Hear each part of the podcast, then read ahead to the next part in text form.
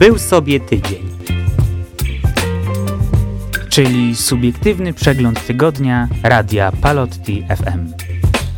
Zapraszają Albert Borowski i Kacper Mojsa.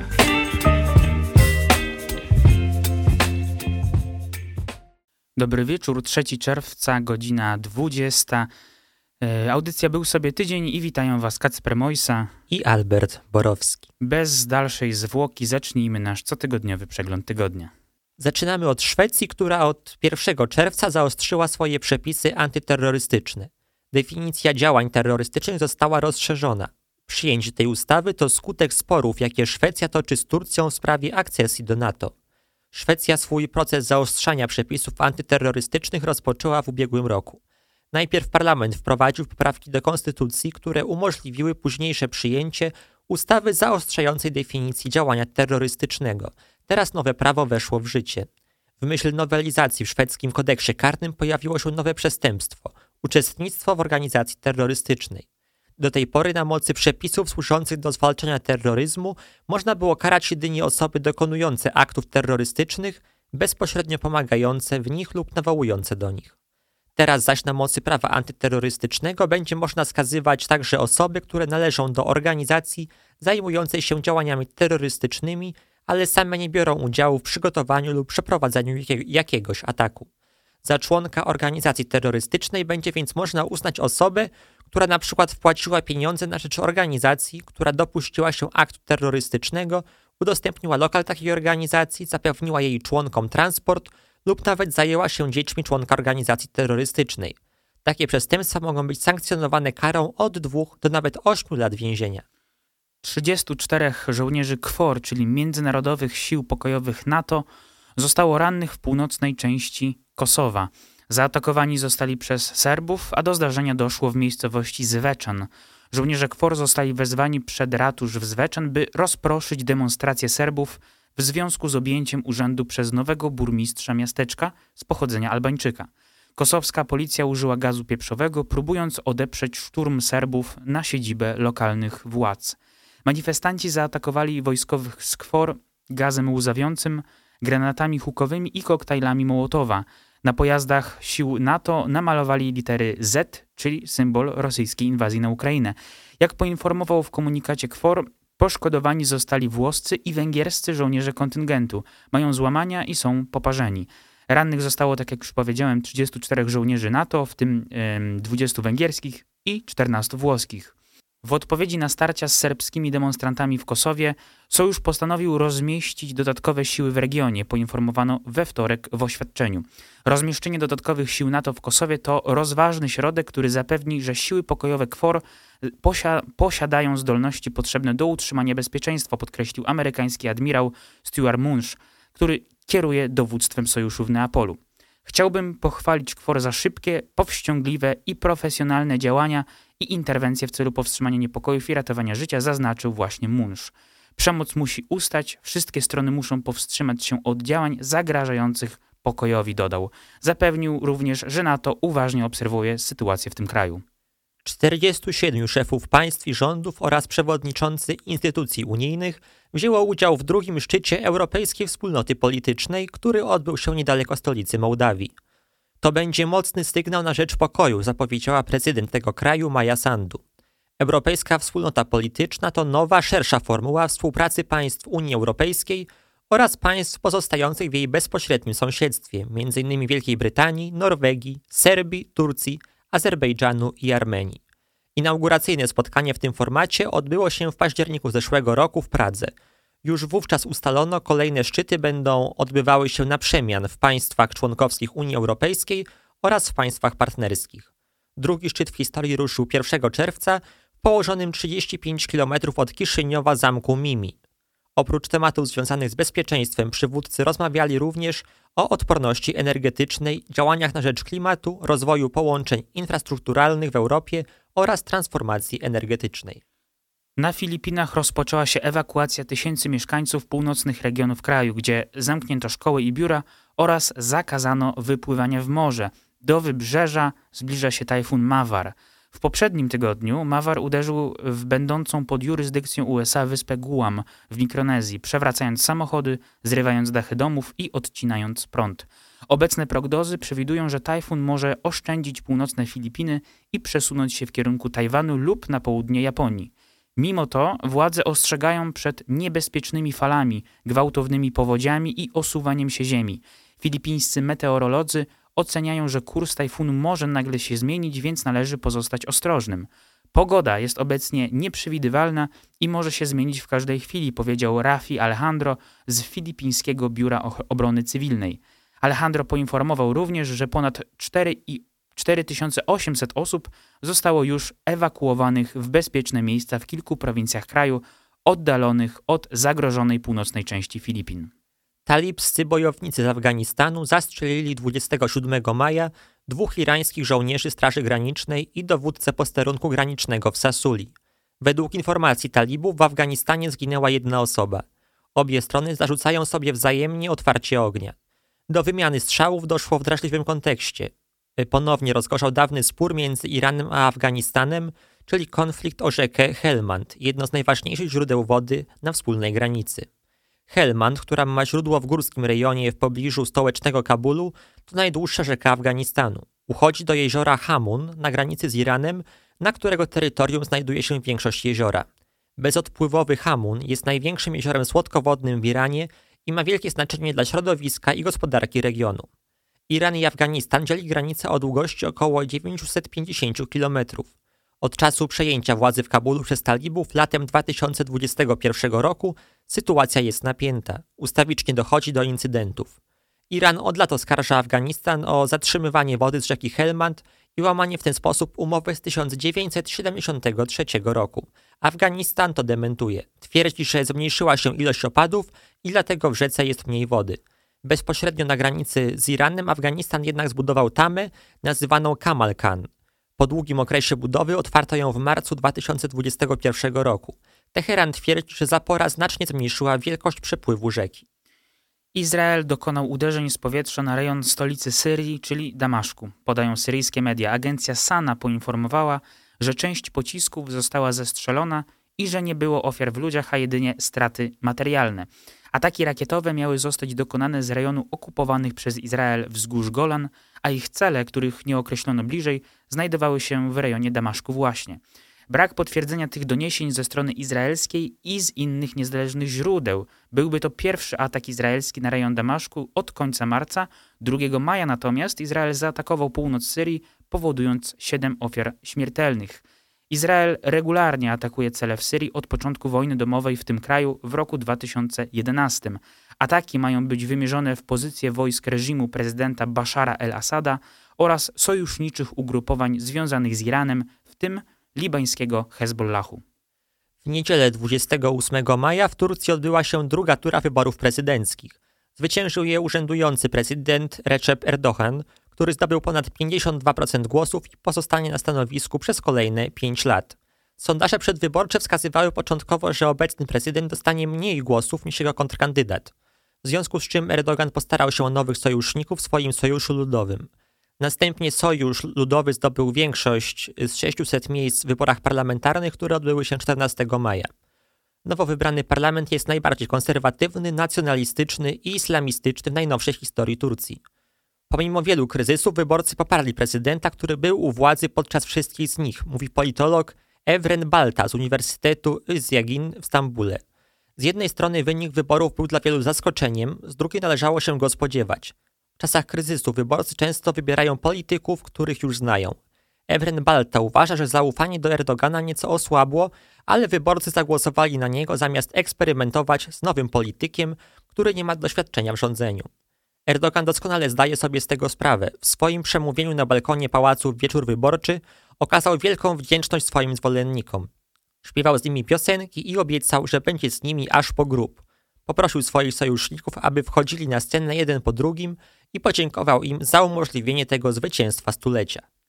Teraz Grecja tuż po powołaniu nowego parlamentu szykuje się jego rozwiązanie. Drugi raz w ciągu miesiąca odbędą się w tym kraju wybory parlamentarne. W niedzielę zostało zaprzysiężonych 300 nowych posłów, wyłonionych w przeprowadzonych tydzień temu wyborach parlamentarnych. Jednak w wyniku dążenia zwycięskiej partii Nowa Demokracja do samodzielnych rządów, Izba zostanie rozwiązana w poniedziałek lub wtorek. Parlament ma jeszcze wybrać swego przewodniczącego i wiceprzewodniczących, a następnie zostanie opublikowany prezydencki dekret o jego rozwiązaniu. Oznacza to, że Grecy będą wybierać członków parlamentu drugi raz w ciągu miesiąca, a podobna sytuacja miała miejsce w 2012 roku. W wyborach, które odbyły się 21 maja, zdecydowanie zwyciężyła rządząca od 2019 roku Nowa Demokracja premiera Kyriakosa Mikotakisa. Nie udało jej się jednak zdobyć bezwzględnej większości, a lider ugrupowania odrzucił możliwość rozmów koalicyjnych. Niemcy jeszcze nigdy nie byli tak niezadowoleni z rządu federalnego i trzech partii wchodzących w jego skład SPD, Zielonych i FDP. Dwie trzecie ankietowanych ma wątpliwości, czy państwo jest w dobrych rękach. Tylko jeden na pięciu Niemców nadal wystawia koalicji dobrą ocenę, wynika z najnowszego sondażu badania opinii publicznej sporządzonego na zlecenie ARD.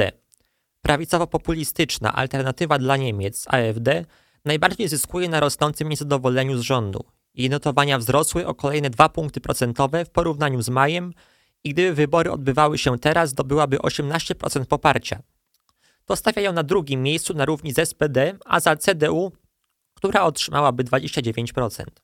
Zieloni nadal tracą poparcie, spadając do 15%. To ich najgorszy wynik od wyborów do Bundestagu we wrześniu 2021 roku. FDP pozostaje na niezmienionym poziomie 7%. Według tego sondażu partia lewicy, Die Linke, nie weszłaby do Bundestagu. Z badania wynika, że większość zwolenników AfD twierdzi, że obecnie głosuje na AfD głównie z powodu dystansu i rozczarowania innymi partiami. Tylko jedna trzecia z wybierających AfD twierdzi, że identyfikuje się z jej programem i jest do niej przekonana. Wszystko wskazuje na to, że kryzys w USA został zażegnany. O co chodzi? Prezydent Stanów Zjednoczonych Joe Biden i republikanie w kongresie osiągnęli w nocy z soboty na niedzielę wstępne porozumienie w sprawie podniesienia limitu zadłużenia rządu USA, który obecnie wynosi 31,4 biliona dolarów. W przypadku braku porozumienia rządowi USA po 5 czerwca zabrakłoby środków do planowanych wypłat, m.in. do funduszów ubezpieczeń społecznych i ubezpieczeń zdrowotnych dla seniorów. O kompromisie poinformował speaker Izby Reprezentantów Kevin McCarthy, który w nocy z soboty na niedzielę rozmawiał telefonicznie z prezydentem Bidenem. Teraz kilka faktów z okazji obchodzonego w środę 31 maja Międzynarodowego Światowego Dnia Bez Tytoniu. Według szacunku Światowej Organizacji Zdrowia wśród 8 miliardów obywateli świata jest ponad miliard palaczy. Konsumują oni ponad 5 bilionów papierosów rocznie. Na całym świecie odsetek palaczy w populacji spada od kilku lat, innymi dzięki środkom stosowanym przez rządy, takim jak wysokie podatki od wyrobów tytoniowych. W 2000 roku 1 trzecia światowej populacji w wieku 15 lat i więcej była palaczami, podczas gdy obecnie ich udział wynosi nieco poniżej 1 piątej. Według WHO najwięcej palaczy mieszka w Chinach, prawie 300 milionów sięga po papierosy lub inne wyroby tytoniowe. Indonezja z kolei jest krajem o najwyższym odsetku palaczy w całej populacji. Tym kraju pali prawie 2 trzecie osób w wieku 15 lat i starszych. Palenie jest szczególnie rozpowszechnione w biedniejszych krajach. 80% palaczy na całym świecie żyje w krajach o niskim lub średnim dochodzie. Palenie tytoniu jest najważniejszym czynnikiem powodującym zgony, którym można zapobiec – co 4 sekundy jedna osoba na świecie umiera z powodu palenia tytoniu. Według badania opublikowanego w magazynie medycznym The Lancet w 2021 roku aktywne lub bierne palenie zabiło prawie 9 milionów osób w roku 2019. Woda słynnego Canal Grande w Wenecji zabarwiła się na zielono. Pierwsze sygnały o tej nietypowej zielonej wodzie w Canal Grande napływały w niedzielę od osób mieszkających w pobliżu mostu Rialto. Świadkowie zgłaszali sprawę policji, natomiast władze miasta zaczęły aktywnie badać to zjawisko i zwołały również naradę kryzysową. Podejrzewano, że za zieloną plamą w Canal Grande mogli stać ekolodzy. Regionalna Agencja Ochrony Środowiska przeanalizowała próbki wody, które w poniedziałek zostały pobrane w rejonie mostu Rialto w Wenecji. Analizy potwierdziły obecność fluoresceiny, nietoksycznej substancji używanej do testowania sieci kanalizacyjnych, tak podaje włoska agencja prasowa ANSA. W ten oto sposób rozwiązano zagadkę zielonej wody w Canal Grande. Teraz ciekawostka z Niemiec. Od połowy czerwca młodzi ludzie obchodzący w tym roku swoje 18 urodziny otrzymają od państwa prezent. Będzie nim karnet kulturalny o wartości 200 euro. Za pośrednictwem aplikacji będą mogli wykorzystać swój budżet na zwiedzanie placówek kulturalnych. Rząd Olafa Scholza już w ubiegłym roku zapowiedział wprowadzenie karnetu kulturalnego. Ma on umożliwić młodym ludziom uczestnictwo w koncertach, muzeach, przedstawieniach teatralnych i seansach filmowych, a także zakup książek czy instrumentów muzycznych. Placówki zainteresowane udziałem w programie mogą się zarejestrować na stronie Kulturpass.d. Niemcy podchwycili pomysł od Francji, gdzie każdy młody człowiek otrzymuje od państwa karnet kulturalny w dniu swoich 18 urodzin. Amerykański reżyser Martin Scorsese zapowiedział, że niebawem nakręci film o Jezusie. Po niedawnym spotkaniu z papieżem Franciszkiem w Watykanie 80-letni laureat Oscara wyznał, że w ten sposób postanowił odpowiedzieć na jego apel skierowany do artystów, by pokazać Jezusa. Martin Scorsese podczas wizyty w redakcji jezuickiego pisma La Civita Katolika w Rzymie powiedział: Odpowiedziałem na, na apel papieża do artystów w jedyny sposób, jaki znam, wyobrażając sobie i pisząc scenariusz filmu o Jezusie. Zaraz przystąpię do pracy. Amerykański magazyn filmowy Variety, który opisuje nowy projekt reżysera, przypomina, że Martin Scorsese ma już na koncie film o Jezusie. W 1988 roku nakręcił Ostatnie kuszenie Chrystusa, który nie spodobał się jednak Kościołowi. Była to adaptacja kontrowersyjnej powieści Nikosa Kazantzakisa, wydanej pod tym samym tytułem w 1951 roku. Jezus ukazany jest w niej jako człowiek wolny od grzechu, który jednocześnie musiał walczyć z pokusami, strachem, depresją, zwątpieniem, niechęcią czy pożądaniem. W 2016 roku reżyser nakręcił film Milczenie. Akcja tego filmu rozgrywa się w XVII, XVII wieku w Japonii. Dwaj portugalscy zakonnicy są tam świadkami prześladowań chrześcijan. W czasie spotkania w Watykanie Martin Scorsese opowiadał o swoim zachwycie filmem Ewangelia według świętego Mateusza Pasoliniego. Włoskie tournée Martina Scorsese obejmuje również serię pokazów jego filmów w połączeniu z dziełami, które go zainspirowały w pracy. Nie pozostaje nic innego jak dodać, że czekamy, czekamy niecierpliwie. W bawarskiej archidiecezji Monachium i Fryzyngi kierowanej przez kardynała Reinharda Marksa funkcja decyzjalnego duszpasterza młodzieży została po raz pierwszy powierzona kobiecie – Według informacji biura prasowego archidiecezji 30-letnia Johanna Gresung została wprowadzona na tę funkcję podczas mszy świętej z udziałem metropolity. Jest to pierwszy przypadek, gdy funkcja dotychczas zarezerwowana dla księży została otwarta w archidiecezji monachijskiej dla pracowników duszpasterskich z innych grup zawodowych, komentuje niemiecka agencja KNA. Johanna Gresung, która oficjalnie objęła urząd 1 czerwca, zastąpiła księdza Richarda Groila, sprawującego funkcję diecezjalnego duszpasterza młodzieży od 10 lat. Jednocześnie Gressung pokieruje archidiecezjalnym biurem do spraw młodzieży, a także Wydziałem Duszpasterstwa Dzieci i Młodzieży w kurii arcybiskupiej w Monachium. Mamy nadzieję, że dowiedzieliście się czegoś ciekawego i czegoś nowego odnośnie ubiegłego tygodnia. Ożywiamy wiarę, rozpalamy miłość. Pallotyńskie Radio Ewangelizacyjne Pallotti FM.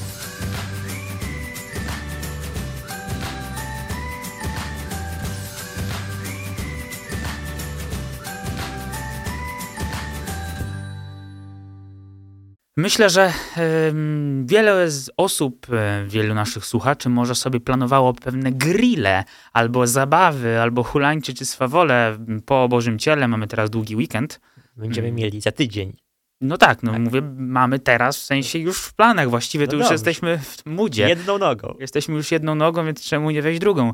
E, może ktoś sobie przedłużył na przykład, biorąc wolne poniedziałek, których środa, a Czemu Można nie? jak najbardziej. Można jak. E, niemniej chcemy porozmawiać o czymś no, związanym z tym długim weekendem, a przynajmniej dla nas katolików, mianowicie y, dyspensa od y, spożywania pokarmów mięsnych w piątek. Tak, już w Warszawie jest i po jednej stronie Wisły, i po drugiej dyspensa ogłoszona. No to można w całej, w całej dawnej, no prawie całej dawnej diecezji warszawskiej E, chyba, że w Łowiczu bodajże, tak? Chyba, że już też w tej diecezji. Nie wiem, zostało. wiem na pewno, że Warszawa i Warszawa-Praga mogą konsumować mięsko. Tak, i chcielibyśmy trochę porozmawiać właśnie o tym, e, na pewnej konwencji, znaczy ja uważam, że warto porozmawiać o tym, czy oświadczenia, no bo to po formie oświadczenia pewnego są wydawane te dyspensy e, przez kurię różnych diecezji, czy to jest w ogóle potrzebne? To trochę nie spłyca nam trochę, po pierwsze, wydźwięku postu, a po drugie, no takiego trochę traktowania wiernych. Tak. E, nie mam nic tutaj do e, kurii, która takie oświadczenia wydaje. No, zdaje się, że chyba są potrzebne, skoro są wydawane. No nie wiem. Mm, no ale prawo jest prawo kanoniczne, tak? Jest bo różne czemu, przepisy. Czemu, czemu jest dyspensa? Bo rozumiem, że dyspensa jest ze względu na uroczystość Bożego Ciała i późniejszą oktawę. Ja teraz mam otwarty właśnie komunikat ze strony decyzji warszawsko-praskiej i tutaj biskup Romuald Kamieński stwierdził, że udziela dyspensy y, od pokarmów mięsnych i od zachowania charakteru pokutnego dnia przypadającego w piątek 9 czerwca – z dyspensy mogą skorzystać gość, diecezjanie oraz goście diecezji. Y, tą dyspensę udzielił, tak jak y, napisano w komunikacie, mając na uwadze dobro duchowe wiernych diecezji warszawsko-praskiej. Y, co to może oznaczać, to dobro? Znaczy, zazwyczaj oświadczenia są czy tego typu, wydaje mi się, napisane językiem dosyć mm, oględnym, ogólnym, takim trochę nie wiadomo o co chodzi, no ale chyba o to w tym chodzi, żeby, żeby to były pewne ogólne wskazania. No ale co uważasz o samym, samej potrzebie wydawania oświadczeń co do no na przykład tego, o czym mówimy, czyli mm, dyspensy? No dyspensy są, no ponieważ prawo kościelne mówi, że katolicy są zobowiązani tak do wstrzemięźliwości od pokarmów mięsnych y, w każdy piątek, chyba że to uroczystość, tak? No tylko tak mówi prawo y, kanoniczne nie w każdym kraju, bo na przykład w Niemczech nie obowiązuje post od pokarmów mięsnych, bo mhm. to konferencje episkopatów same mogą regulować y, te przepisy kościelne. Tak? Co daje wskazówkę, że to prawo, y, no już tak to nazywajmy, nie jest jakimś... Dogmatem. No dogmatem to już w ogóle, ale no pewnym takim... Jak to powiedzieć? Ojejku czymś, co rzeczywiście mogłoby uniwersalnie świadczyć o jakimś e, grzechu, chociaż mówi się o tym, że e, no oczywiście nie mówimy o grzechu ciężkim, tu zapewne potrzeba by było wsparcia teologów do takiej dyskusji. Natomiast nie wydaje mi się, aby zjedzenie mięsa w piątek, powiedzmy, że już nawet to nie jest uroczystość, to nie jest oktawa Bożego Ciała, tylko normalny, regularny piątek w, w okresie zwykłym w kościele. Zjedzenie mięsa, no nie wydaje mi się jakimś no tak, bo to nie jest istota postu tak naprawdę. Po pierwsze, a po drugie, samo w sobie. Mm, czy ja mam w ogóle problem do prawa kościelnego, które nie wypełnia się przez jego sens, które wypełnia się przez to, że po prostu jest. To trochę tak jak z prawem cywilnym. No, nie jeździsz na czerwonym świetle, dlatego że wiesz, po co to jest. Gdybyś jeździł na czerwonym świetle, to prawdopodobnie miałbyś wypadek. To jest dla twojego bezpieczeństwa. No i tak samo z postem. Oczywiście y, post jest jak najbardziej e, potrzebny, szlachetny i piękny, natomiast no, po pierwsze nie jest łatwe jego zrozumienia, a po drugie trzeba takiego mm, zrozumienia postu nauczyć. I tego mi się wydaje, że jest mało. Tak, ludzie powinni rozumieć, dlaczego mają czegoś przestrzegać, tak? No dokładnie, bo inaczej to jest przestrzeganie dla samego przestrzegania i wtedy warto zadać pytanie, po co? Tak, to po jest co? taki tak zwany w prawie paradoks bandyty, yy, czyli że prawo niektórzy traktują jako rozkaz bandyty, który strzela do ciebie, tak? Aha, tak? Mówi pieniądze albo życie, tak? Okay. Ty dlatego mu te pieniądze oddajesz.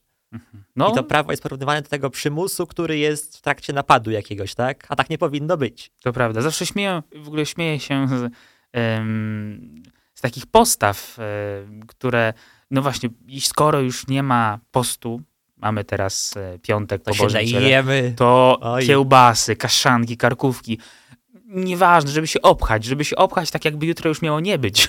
albo, albo jakby następny każdy dzień miał być z postem ścisłym, no tak. co najmniej. E, no jest to dosyć śmieszne, e, niestety smutno śmieszne właściwie, jakby się nad tym głębiej zastanowić. E, no ale w sumie z czego to może wynikać, jak myślisz? Taka, taka, taka postawa ludzi. No ludzie też czasami, niektórzy ludzie myślę, że potrzebują mieć taki bat nad sobą, że to, to wypada, to nie tak musi być. Mhm. I, te, I Kościół ma określać, co mam robić, a co nie, tak? Ja niekoniecznie muszę to rozumieć. Mhm. Mhm.